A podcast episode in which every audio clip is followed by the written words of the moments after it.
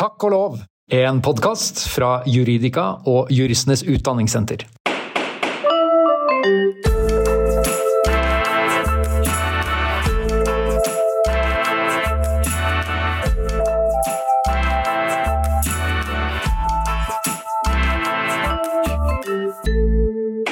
Hei og hjertelig velkommen til nok en episode av Takk og lov, en podkast for deg som lurer på hvordan jussen, og kanskje også juristene, egentlig henger sammen. I dag skal vi lære litt mer om en helt grunnleggende rettighet som allerede de gamle romere var opptatt av, nemlig gondolretten. Nei, vent, eiendomsretten, mener jeg. Men aktualisert av gondolretten. Er du forvirret? Fortvil ikke, vi skal uh, strekke en bane mellom disse fenomenene i denne episoden. Mellom gondolbehovet og eiendomsretten til vanns, til lands og i luften med. Vi skal nemlig høre om en nylig høyesterettsdom om en gondolbane på Voss. Men før vi gjør det, så må vi skjønne litt mer av eiendomsretten. Og hvem er Askeladdens gode hjelper i dag? Jo, det er ingen ringere enn advokat Endre Grande. Velkommen hit, Endre. Takk skal du ha. Tusen takk for at du ville være med i poden min. Du eh, har jobbet som advokat Du begynte å jobbe som advokat, tror jeg, da jeg begynte på skolen. Så det er jo Du har holdt på en stund. Du har vært i Thommessen i hvor mange år? 37 år ble det vel til sammen. Ja. Og nå jobber du selvstendig som advokat i Bergen. Ja. Ja. Uh, du har selvfølgelig hatt en, en, drøss med saker, og dem kan vi kanskje komme inn på uh, etter hvert også, men uh, vi pleier å introdusere gjesten vår også med et språkrådstilpasset fun fact, et artig faktum. Og det jeg har fått oppgitt om deg, det er at du har bidratt til å frede en kjempesalamander. kan, du, kan, du, forklare våre lyttere hva dette gikk ut på? Ja, det var vel Det er vel litt hardt å si at det er jeg som har freda den, men jeg har jo hjulpet til å få etablert et naturreservat. Ja. Der den har sin habitat, da. Jeg var prosessformektig for staten i naturfredningssaker i mange, mange år ja. på Vestlandet. Okay. Og denne store salamanderen den har tilholdssted i det som den gangen var Fusa kommune, det er et stort område. Eh, nå heter det vel Geitaknottane naturreservat, og der var, holdt han til i en to-tre tjern og var rødlista. og så da ble han freda, og så freda de samtidig noe de kaller kongsbregne, altså en bregneplante som har sier de stått på samme sted i 5000 år. Ja, for det er sånn urplante. Min kollega ja. Vidar Strømme er veldig opptatt av bregner. Det er en urplante, helt klart. Nettopp. Den er så hemmelig at jeg har ikke lov å si hvor den står engang. Ok, Vidar, hører du, vi må på jakt etter den breiden. Men stor salamander, den, ja, den kan bli en 5-10 centimeter stor, og den er, den er veldig sjelden forekommende. Men den er da bevart i det naturreservatet i dag, det som er Bjørnafjorden kommune i dag. Nå ble jeg litt eh, beroliget også, for jeg så for meg at på denne breinejakten med Vidar så ville jeg møte på noen sånne svære salamandere på to-tre meter, men det var ikke det, tross alt. Nei, da misforstår du litt. Ja. Det er mer alligator i så fall. De er ikke der. Nei. Nei. Det er betryggende. Ok, tusen takk for at uh, du delte det, også dette. Vi må komme tilbake til eiendomsretten. Det har jo for så vidt noe med vern å gjøre, det også. Men um, hva, vi bare begynner helt basic, for jeg husker jo dette sånn vagt fra studiet, men hva er eiendomsrett? Ja, hva, hva er det? Det starta vel en gang i tida med noe som vi kaller okkupasjon. Ja. Altså at mennesker slo seg ned, og så freda de det området de slo seg ned på, så dette er mitt. Og det har vi jo, har vi jo fortsatt i, på 1700-tallet, noe som het fredlysing. Ja. Da møtte man på tinget og sa til fogden at nå vil jeg ha kunngjort at jeg eier et område sånn og sånn, og så gjorde man det, så ble det lest opp på tinget, og hvis det var noen som mente at dette var feil, så måtte de reise sak. Og dermed så etablerte du på en måte eiendomsretten. Ja. I dag er jo eiendomsretten både, både, alt og ingenting, egentlig. Det er jo en sum av beføyelser. Egentlig er den negativt avgrensa. Hvordan da? Jo, for alt som ikke er tillatt eller er forbudt, det ligger til grunneieren. Altså, kan, jeg har en eiendom, og jeg kan gjøre hva jeg vil på den, med mindre staten har lagt et eller annet forbud? Ja, staten eller andre. Ja, for det, kan være avtaler og bruksretter og servitutter og diverse? Alt mulig. Ja. Det vil være begrensende faktorer for en eiendom. Nettopp. Og det varierer jo fra eiendom til eiendom. Og det er jo også sånn at uh, hvis du f.eks. har en reguleringsplan som legger din eiendom ut som et friområde, f.eks., så er det jo båndlagt, og da får du ikke bygge noe på det. Men så hvis det ble endra, oppheva, da går full rådighet tilbake til eieren. Ja. Sånn at da kan du kanskje få lov å bygge, hvis du får en annen, et annet reguleringsformål. Nettopp. Det rinner meg i huet en strandlovdom fra begynnelsen av 70-tallet, kanskje? Ja da. Hvor man plutselig hadde man- Man hadde en holme, men fordi den ikke var mer enn 200 meter på tvers eller langs, så kunne man ikke bygge på den, for det var byggeforbud i 100-metersbeltet. Ja da, det, det er utgangspunktet. Det er ikke lov å bygge i 100-metersbeltet langs sjøen. Nei. Nei, nettopp. Uh, og uh, hvor er det denne eiendomsretten fremgår, da? Du sier at den egentlig fremgår negativt på et vis, uh, men fremgår den positivt noe sted også i lovverket, eller? Nei, egentlig ikke. Nei. Det er ingen lov som sier hva er en eiendomsrett. Nei. Det er rett og slett beføyelser og det at det er notoritet omkring disposisjonsretten til en eier, f.eks. tinglysing av et skjøte. Ja. Da, da, er du, da er du eier, og da er det dokumentert. Men måten du blir eier på, det kan jo være mange forskjellige måter. I dag er det jo slutt på okkupasjon, men så det er jo som regel noen som deler fra noe fra sin eiendom, og så blir det en ny eiendom. Ja, og da er vi på sånn fast eiendom. Det er det vi Fast snakker om. eiendom, ja. ja. Ja. Og for hvordan er dette her? For der er den, den der eh, grunnlovsbestemmelsen 105, den tenker jeg jo jeg på som en sånn eiendomsrettsbestemmelse, men den sier jo egentlig bare at hvis staten vil ha eiendommen din, så må den betale full erstatning. Ja da, hvis, eh, hvis det blir en ekspropriasjon, så skal du ha full erstatning. Det er Grunnlovens 105. Ja. Så er det da en, en annen regel når det gjelder vanlige rådighetsbegrensninger. Der får du i utgangspunktet ikke erstatning. Det skal iallfall ganske mye til. ja. Men tar de eiendommen, da skal du ha en erstatning. Nettopp. Dette, dette, dette husker jeg faktisk, for jeg underviser jo i statsforvaltningsrett, så der er jeg med. Så langt er jeg med. Og vi har også den korresponderende menneskerettighetsbestemmelsen i EMK. Ja, 1-1. Ja. Retten til å nyte sin eiendom i fred. ja, så det var jo egentlig en fin måte å formulere det du sa i sted, da. Ja. At uh, man kan gjøre hva man vil. Eh, litt som kardemommeloven, med mindre det er positivt forbudt eller regulert bort, på, Ja. eller avtalt bort. Ja. EMK var jo, var jo så vidt innom i den Vossa-saken. Ok, ja, men det må vi komme tilbake til. Vi får bygge oss opp til Vossa-saken.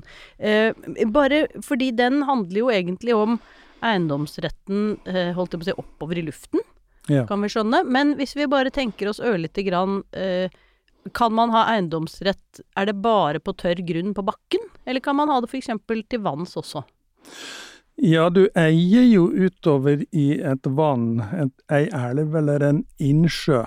Du eier ikke vannet som substans, Nei. men du eier utover i vannet, slik at der grensene på land fortsetter utover i vannet, så er det din sektor som ligger der. Og det betyr f.eks. at du da har rett til å fiske, sette garn f.eks., innenfor din sektor. Ja, så du eier ikke egentlig bare den bunnen i vannet. Du eier, det, eh, du eier ikke vannet over, men du har lov til å bruke det som er Du eier, ja, du eier bunnen, og så har du lov til å bruke vannet. Du har en enerett til å Bruke vannet der. bruke vannet akkurat der. Ja, okay. For eksempel komme til med båt. Ja, det også selvfølgelig. Mm. Hvor langt ut går den?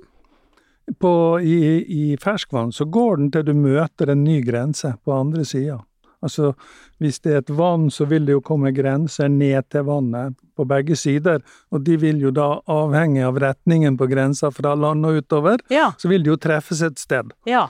Og, og da er det det som er avgrensningen. Og hvis eh, Så du kan bli avskåret hvis det er en eiendom som går veldig skrått? Ja. Ja, Hvis grensa fortsetter skrått på land og utover, så gjør det det. nettopp. Og, men, men hvis de møtes liksom Hvis det er to fra hver side, da, som er eh, 90 grader på hverandre, er det da bare midt på, eller? Blir vel midt på da, ja, Ja. vanligvis. Men i havet, da? Det er helt annerledes i, i saltvann eller i havet. Da, da eier grunneieren ut til marbakken. Hva er Marbakken? Det er der den nokså flate sjøbunnen fra land og utover plutselig skråner dypt ned. Ja, så hvis du har en eiendom hvor det er sånn klippe som går rett i havet, så er det ikke noe? Ja, da er det ikke noe eiendomsrett videre utover. Da går den, går den rett ned til bunnen. Men sånn hvis du er inne i sånne fjordarmer helt innerst, der hvor det er kjempelang sandstrand utover, da har du veldig mye. Da har du veldig mye. ok, det er sånn det henger sammen. Ja. Ja. Men det er også ei grense på to meters dyp hvis det ikke er en sånn marbakke. Oh, ja. Altså Hvis det bare skråner og skråner og skråner, og det er langt, langt unna til noen marbakke, så er det stopp på 2000, På to meter. to meter. Høyvann eller lavvann? Middels høy vannstand. Ok, det er, det er bra, ikke sant. Nå følte jeg at jeg var kverulant, men det var alltid noen jurister som hadde kverulert dette før meg, så det var et svar på det også. Det var Veldig bra. Um, ok, og retten på stranden da, for der var det noen begrensninger på hvordan man kunne bygge, som, som du snakket om, men, Ja. men man, kan man lage brygge på stranden likevel?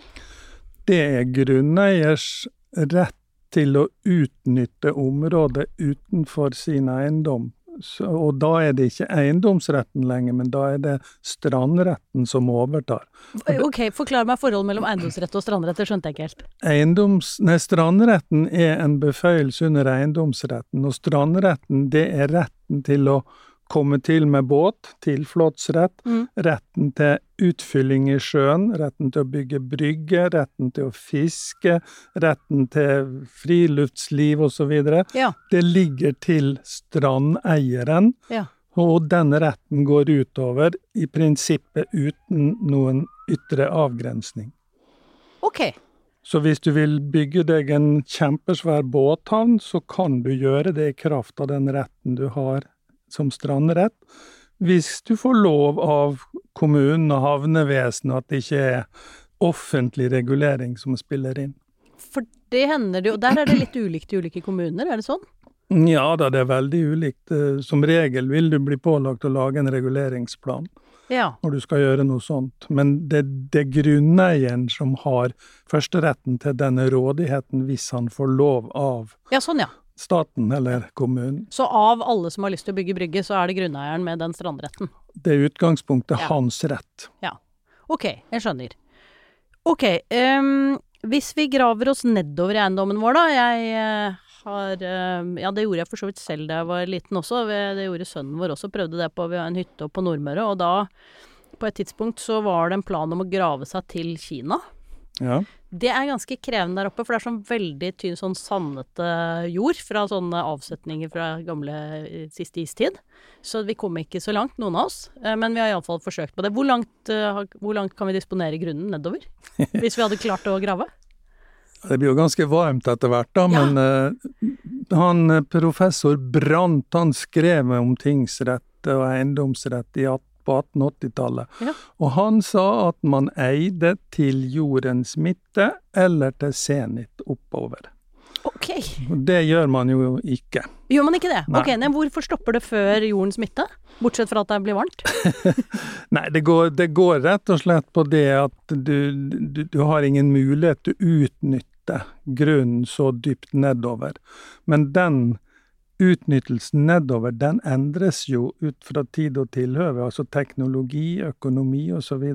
gjør jo at stadig flere kommer stadig dypere ned, hvis de ønsker det. Ja. Så det er jo en del konflikter knytta til undergrunnen også.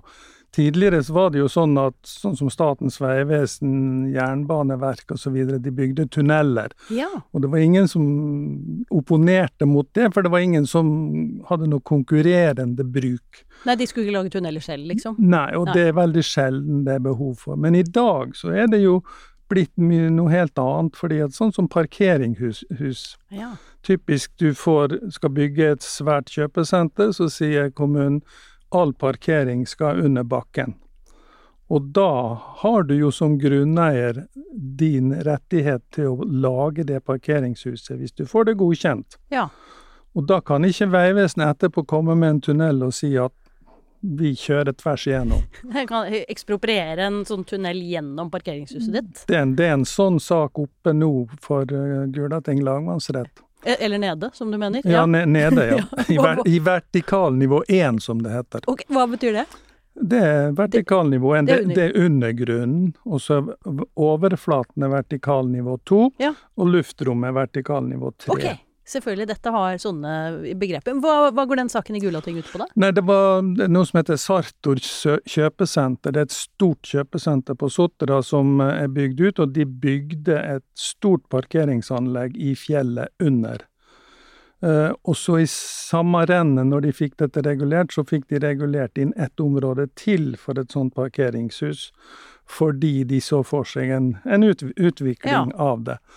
Og samtidig, så når de, når de bygde det første, så bora de 160 sånne geovarmebrønner, 200 meter ned, som forsyner nærområdet med, med varmt vann og, og varme. For det er en måte egentlig å, å drive Ja, finne energi på det. Ja, At man tar ja. opp eh, den varmen som er nede i jorden. Ja. Ja. Og så skulle det lages ny Sotrabru og ny, ny riksvei på Sotra, og da sier jo vi litt sånn flåsete da at Vegvesenet de overså den reguleringsplanen.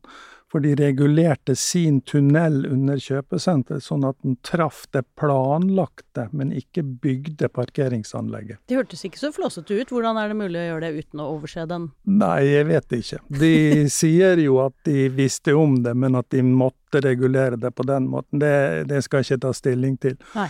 Men vi sa ok, vi må bøye oss for det fordi at en nyere reguleringsplan går foran en gammel, og vi, vi kan flytte.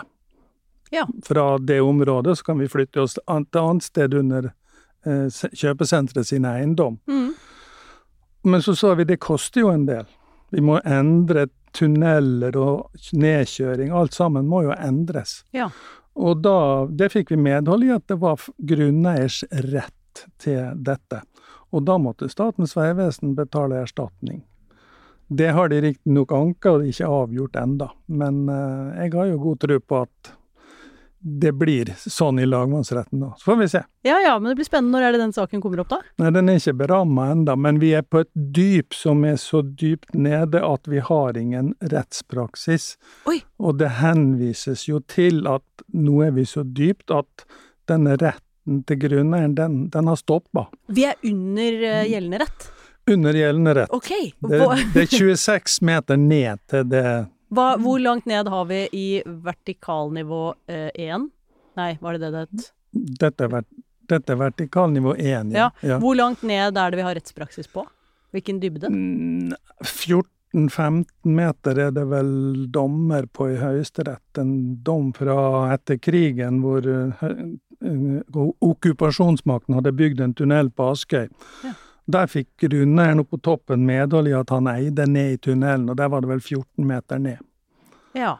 Men eh, utover det så har det vel ikke vært noen sånn entydig rettspraksis på Men hvilket juridisk eller logisk resonnement er det som tilsier at eh, dybden spiller noen rolle her, egentlig? Hvis det første er Det går på muligheten for å utnytte grunnen under. Ja. Altså hvis du kommer veldig dypt ned, så har jo en vanlig eier i alle fall ingen mulighet til å utnytte det, og da vil jo andre kunne komme inn fra siden, for å si det sånn, og, og skjære seg igjennom. Og undergrave eiendommen din. Ja, bare du er dypt nok. Ja. Å ja, ok. Så ja, det kan jo gi mening. For hva, det, hva slags behov skulle det være eventuelt? da? Noe sånn kabler eller noe sånt? Eller det legges vel ikke så dypt, kanskje?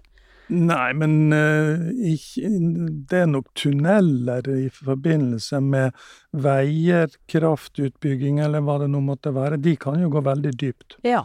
Ja. Vi har jo underjordiske sjøtunneler for veier, for eksempel. Altså kjøre under havbunnen når Ja. du skal krysse en fjord med, med tunnel. Så teknologien er der jo, men det er jo da spesialiserte institusjoner som kan utnytte det. Ja ja, ok. Men det, er, det ligger an til eh, rettsavklaring på Vestlandet i den saken, da. Vi må få noe rettsavklaring, fordi at dette med geovarme er jo blitt veldig aktuelt. Ja. Og da er det jo snakk om at de borer seg jo ned til bortimot 500 meters dyp. Såpass, ja. Og det er klart, da kan du ikke komme med en tunnel i det nivået der. Nei. Hm.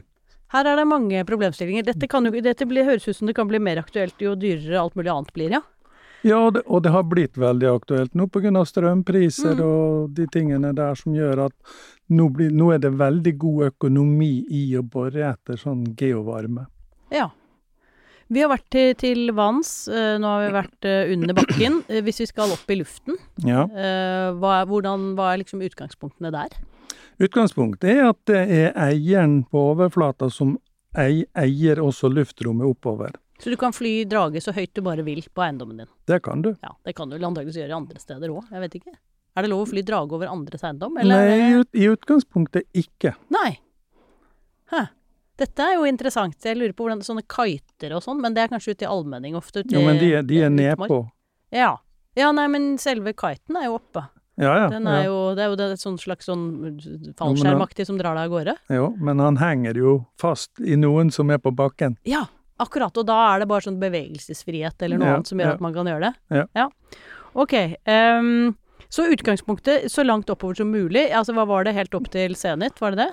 Det var det som var utgangspunktet til Brant, ja. Ja. Og da blir det jo ganske høyt. Ja, men han brant seg litt på det kanskje. Har vi modifisert det utgangspunktet Det er nå, eller? modifisert veldig kraftig, men vi har jo aldri hatt noen lovbestemmelser om det.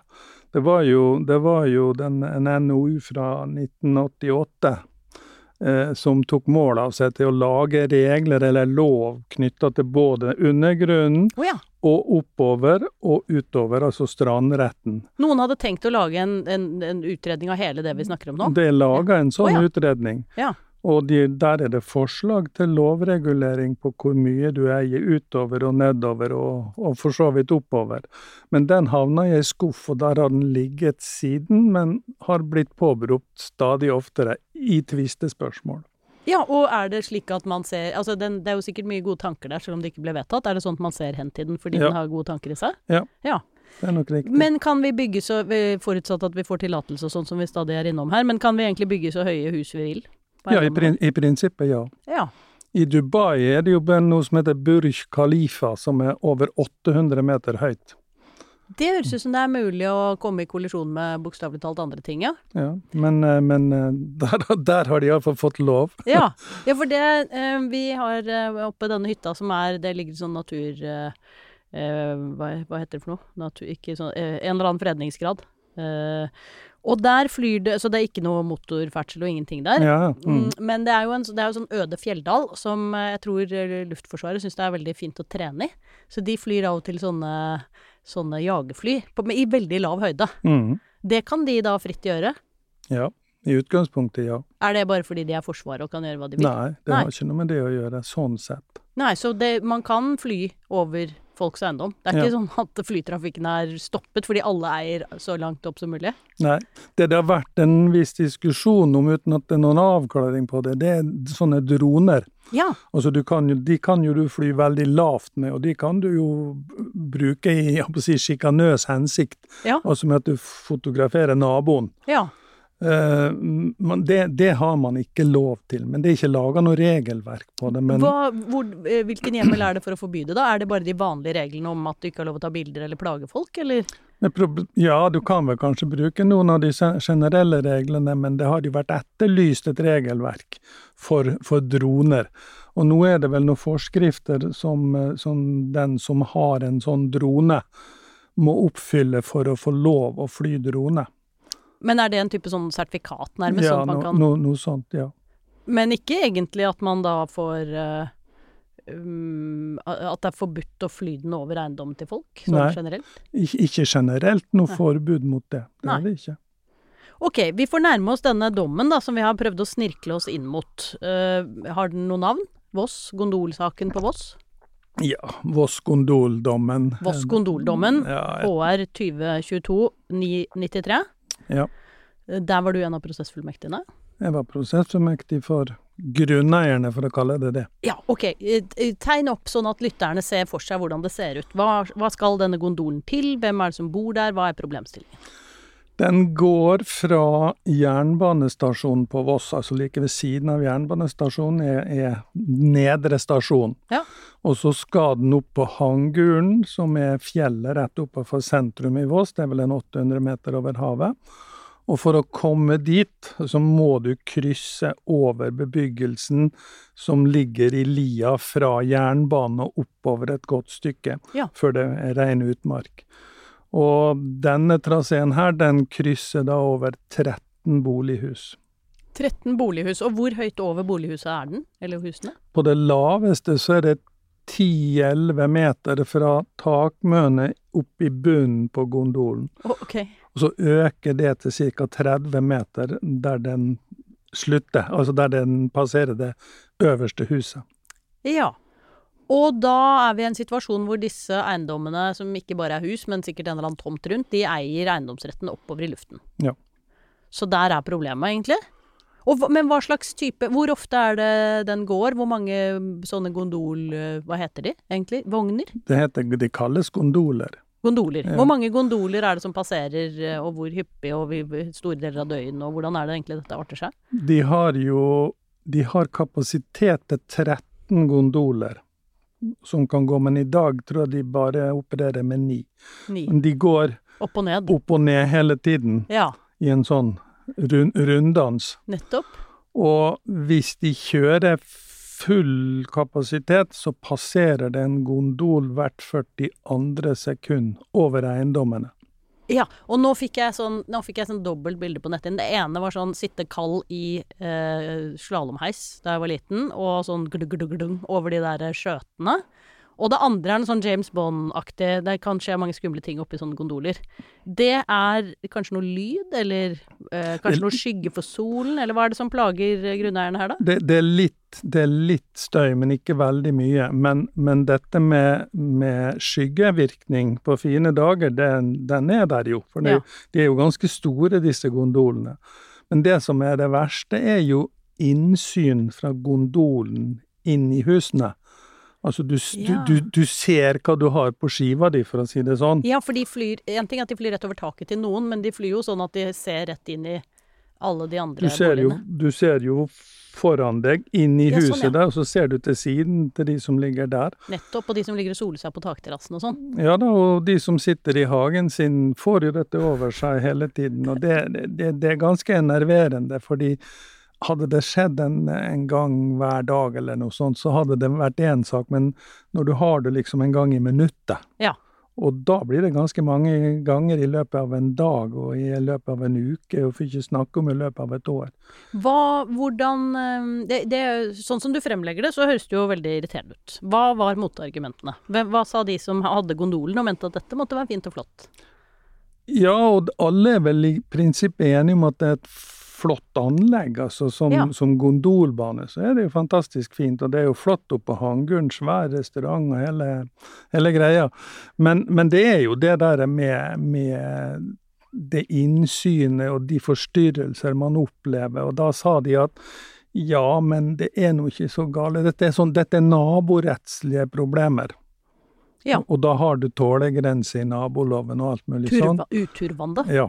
Ja. Og, og, og vi sa jo da nei, dette er ikke naborett, dette er eiendomsrett. Og nå krenker du eiendomsretten til luftrommet. Ja, nettopp. Man tenkte det, For det var to egentlig mulige innfallsvinkler her. At det kunne være ja ja, er dette sånn som man bare må tåle som ledd i det at det er krevende å ha naboer uansett? Det er jo rettstidene fulle av eh, Mm. fra A til Å. Men, men eh, nei, det, det dere tenkte, det var eiendomsretten oppover i luften. Ja, Og her er vi i en annen situasjon. ja fordi eiendomsretten har, har to sider. Den har en positiv og en negativ side. Ja, det var det vi startet med, at den egentlig var negativ. Men- jo, jo, men den faktiske rådigheten, den har også en positiv og en negativ side. Ja. Den positive er jo at du kan bruke luftrommet sjøl. Ja, bygge sånn serafinhus veldig Ja. høyt opp i luften. Ja. Det negative er at du kan nekte andre ja, å gjøre noe i ditt luftrom. nettopp. Det er jo vel så viktig. Ja, og det var det som var temaet i den saken på Voss. Ja. For vi sa nå krenker du mitt luftrom, eller de 13 sine luftrom. Ja. Det er ikke nabosak vi snakker om, vi snakker om å krenke eiendomsretten. Og du får et tap fordi at vi mente da at du mister verdi på eiendommen din, og så mister du, eller du får kostnader med å prøve å skjerme deg mot dette. Altså screens for vinduer, skjerme uteplasser osv. Det Ja. var det som var temaet sånn erstatningsmessig i, i, i retten. Hvordan gikk det, da? Ja, det starta som en vanlig ekspropriasjonssak, for denne banen ble jo regulert etter plan- og bygningsloven, og saken ble jo reist som et vanlig ordinært ekspropriasjonsskjønn. Ja. Og så kommer da Voss Gondol på, like før saken skal opp, at nei, det ikke, de har ikke noe erstatningsrettslig vern for dette.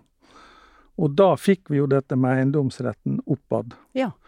Og det var jo full bredde på det, sånn prejudisielt, som det heter. da. Eller full høyde. Ja, full høyde, kan du si. Og i tingretten var enig med oss at eiendomsretten ble krenka. Og de ble påført tap ved at eiendoms, eiendomsverdien gikk ned, Mm. og de måtte få dekka noen kostnader med å skjerme seg.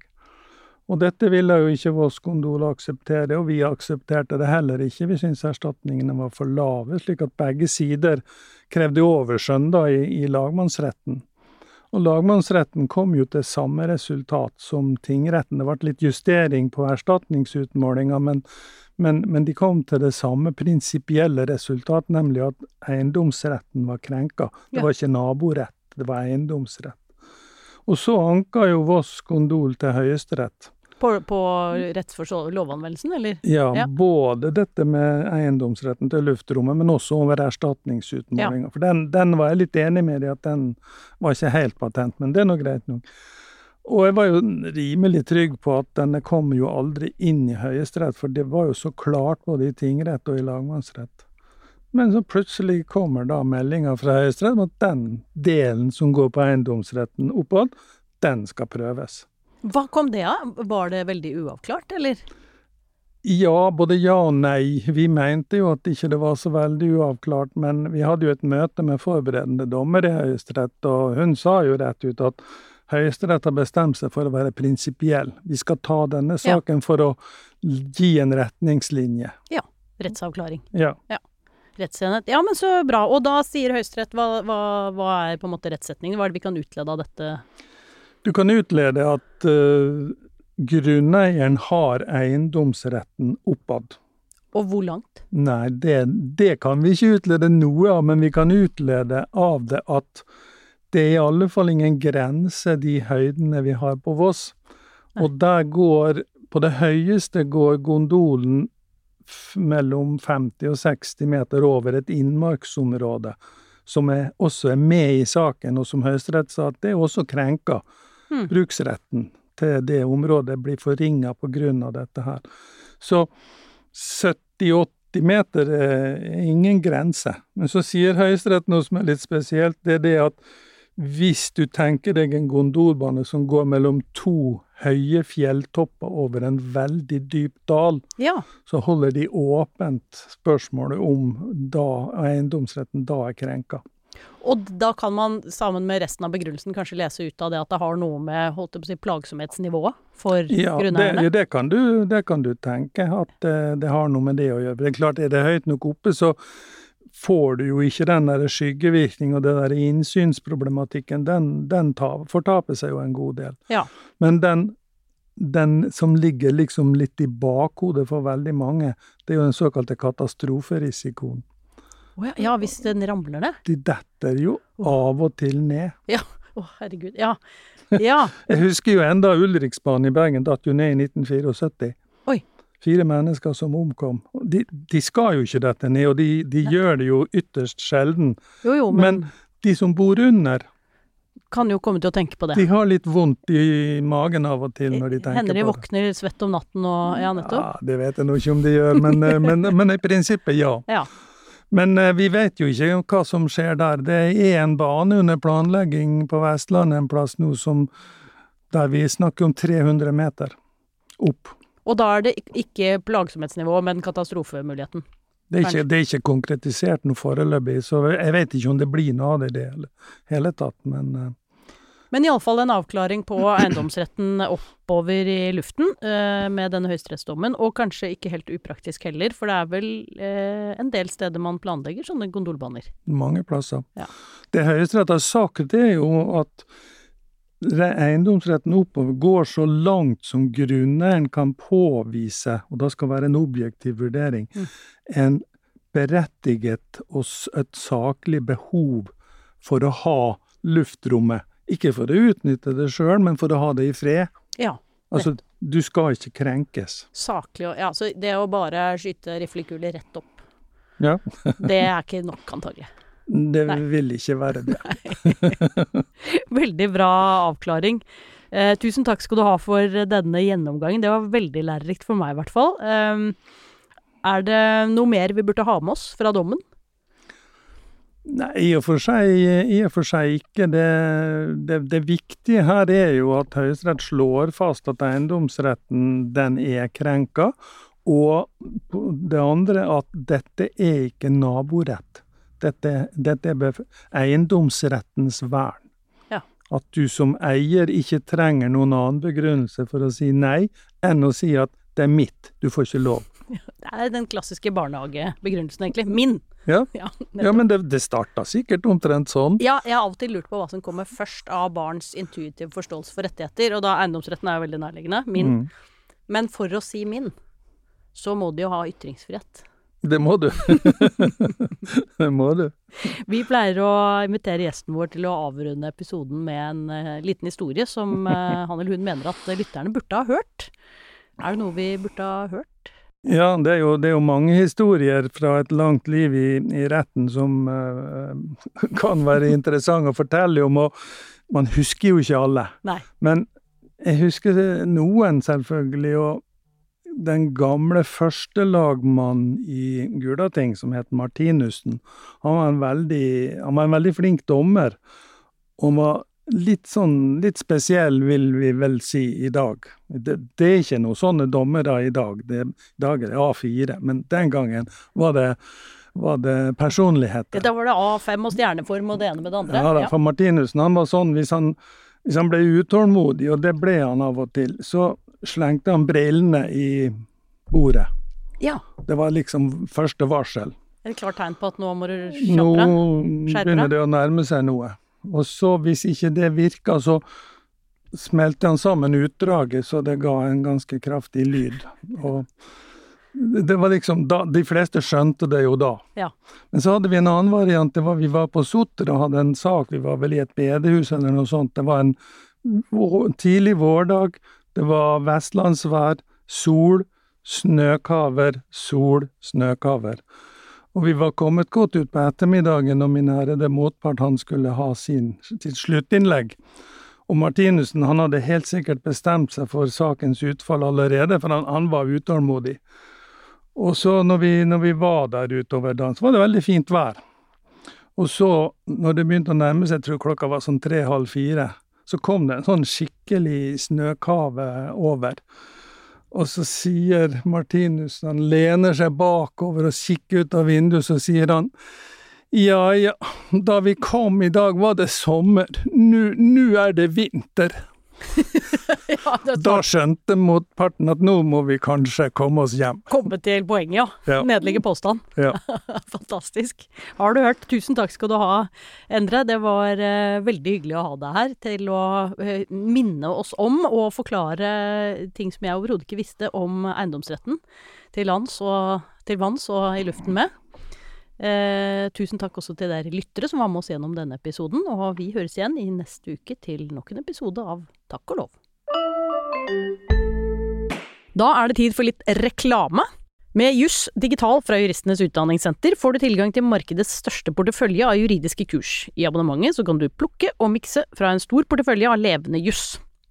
Juristenes uh, utdanningssenter syns det skal være enkelt å ta vare på kompetansen sin. Derfor har de laget JussDigital, sånn at du kan ta etterutdanningen din med deg hvor enn du er. Og på juridika.no så kan du gjøre dypdykk i eiendomsretten, til lands og til vanns og til havs. Blant mye annet så finner du siste utgave av plan- og bygningsrett, kort forklart, av Fredrik Holt og Nicolai Winge. I tillegg til siste utgave av tingsrett av Tor Falkanger og Åge Tor Falkanger.